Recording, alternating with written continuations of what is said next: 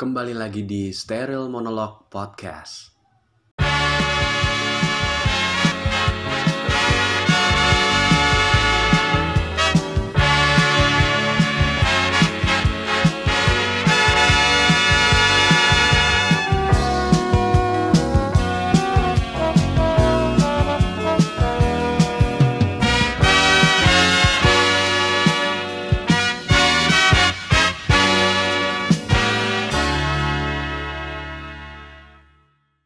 Oke, kita sekarang mulai mengenal eh, istilah namanya first kiss.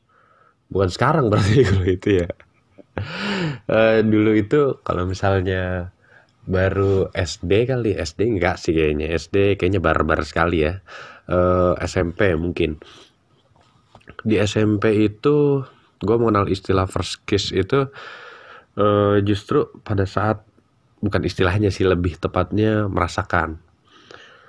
Tapi pahitnya adalah gue tidak gue tidak maksudnya menjalani SD dan SMP itu tidak dengan uh, berciuman dengan wanita mana pun gitu. Justru pernah sih pacaran dalam hitungan hari waktu kelas 2 SMP itu absurd sih anjing. Kayak gue gak ngerti gitu apa sih konsep dari seseorang saling mencintai itu apa gitu karena udah kebanyak karena maksudnya lebih fokus ke main kali ya saat itu.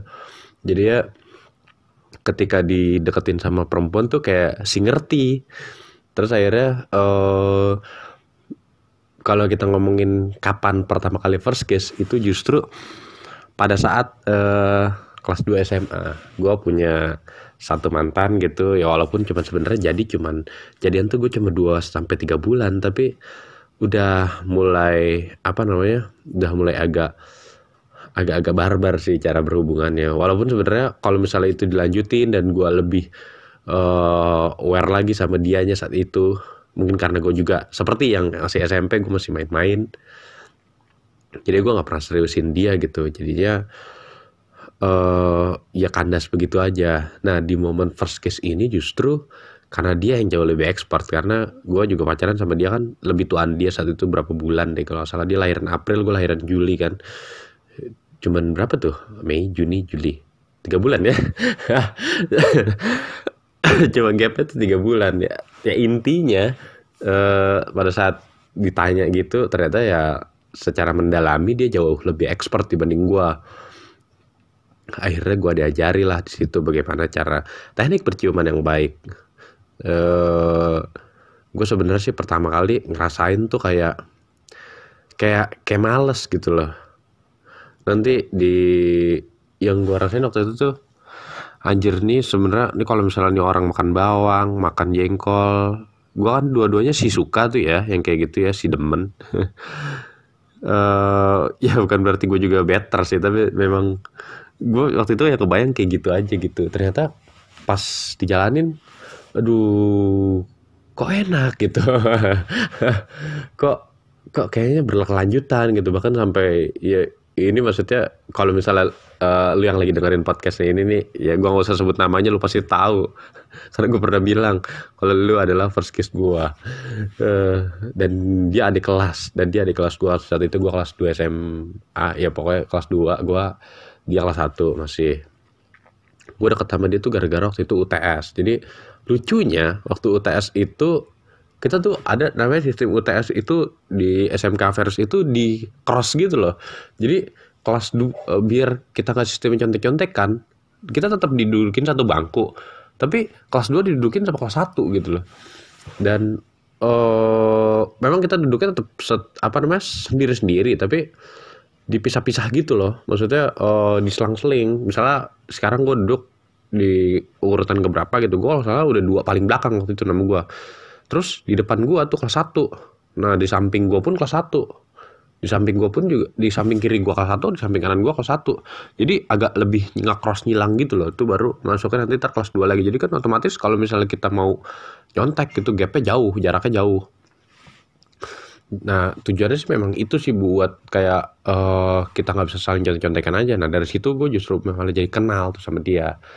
Dan walaupun memang ini sistem kayak kayak nggak tahu ya kalau di sekolahan lu mungkin atau semua pendengar yang dengar ini mungkin gak asing kali ya kalau misalnya lu melakukan UTS tapi lu di cross sama adik kelas lu sendiri. Dari situ jadi dekat. Uh, dan ya banyak hal bisa dibilang banyak hal gue yang jalan sama dia enggak sih. Gue lebih justru karena gue bilang kasih kayak main-main jadi gue lebih banyak pacaran di sekolah gitu loh. Uh, jalan aja nggak pernah selama gue jadian dua bulan hampir tiga bulan itu gue nggak pernah jalan sama dia.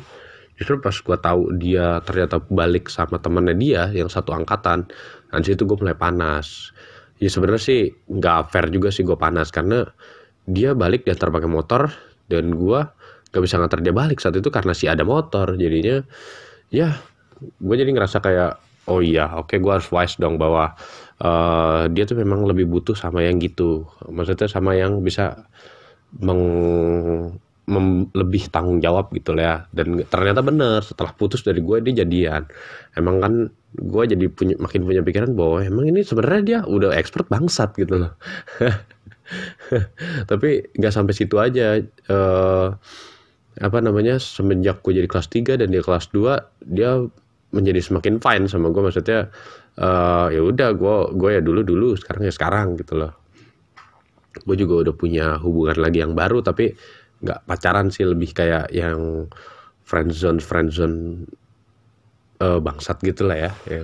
Jadi yang penting kita jalan tapi sebenarnya kita nggak ada apa-apa. Ya begitulah masa masa masa SM masa SMA gue tapi justru dari uh, case friendzone itu ya kalau misalnya lu dengerin lu boleh lah ya uh, mention gue suatu saat.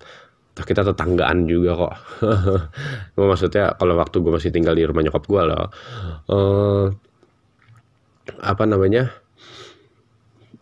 Nah dari case ini nih jadi si yang gue bilang friendzone tadi gue tuh dulu sampai punya ekspektasi jauh loh tentang dia karena gue kenal dari kenal dia kan dari zaman sekolah ya dari berarti dari 2011 gue mulai sekelas tuh sama dia dari 2011 pas gue kelas 2 kelas 3 sekelas lagi bahkan sebangku bahkan nangis bareng nggak jelas sih nangis bareng kenapa ya?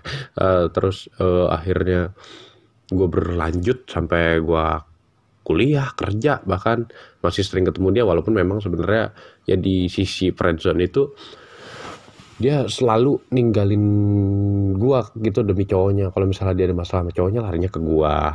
Tapi memang yang kita lakukan tuh udah persis kayak orang pacaran gitu loh. Uh, as uh, bener-bener pacaran kalau misalnya uh, ya take and give itu dapat banget saat itu. Cuma memang kayaknya sih gua nggak apa namanya gua nggak di aja sama orang tuanya karena ya lu sokap gitu loh ya. but so ya udahlah. Gue juga ngerasa gue gue saat itu ngerasa kayak orang paling orang paling bego tapi ya udah gue gue lebih ngera, uh, nerima aja gitu nerimanya dalam artian ya terserah lah lo mau lo mau bawa gue ke mana lah. Maksudnya lo mau bawa hubungan ini ke mana yang penting ya selama gue masih kepa, uh, selama gue masih berguna gue ya udah buat buat lo apain kayak lo pakai terserah kayak yang enggak ya kalau lo nggak butuh ya terserah juga sih. Gue gue sampai berpikir kayak gitu saat itu. Jadi kalau misalnya pun lu nggak butuh gue pun gue fine gitu loh. Kalau lu butuh gue ya gue ada gitu. Sesimpel itu saat itu gue jadi bahkan sampai udah kerja gue nemenin dia kerja di PIM saat itu. Terus uh, sampai dia balik lagi sama cowoknya atau dia ganti cowok lagi dan itu dia singgah ke beberapa orang gue tetap aja masih masih masih kalau misalnya uh, she's got problem gitu gue selalu ada gitu. Itu doang sih. Dan akhirnya itu akhirnya putus tuh. Putus bener-bener putus kontak tuh di 2015 gue udah it's not uh, gue udah nggak peduli lagi lah. Nggak nggak peduli lagi apa pun yang terjadi sama dia gitu loh. Terus nggak taunya dia akhirnya memang ya nikah sama cowoknya dia selama ini yang dari zaman sekolah. Ya, tepatnya sih kakak kelasku juga ya jadi gue tuh pernah sempet menikmati cuman nggak sempet memiliki. Atau gue tuh nggak sempet menikmati eh sorry. Gue itu sempat menikmati cuman nggak sempet menikahi. Mengkawini mungkin iya. Kucing kali ya.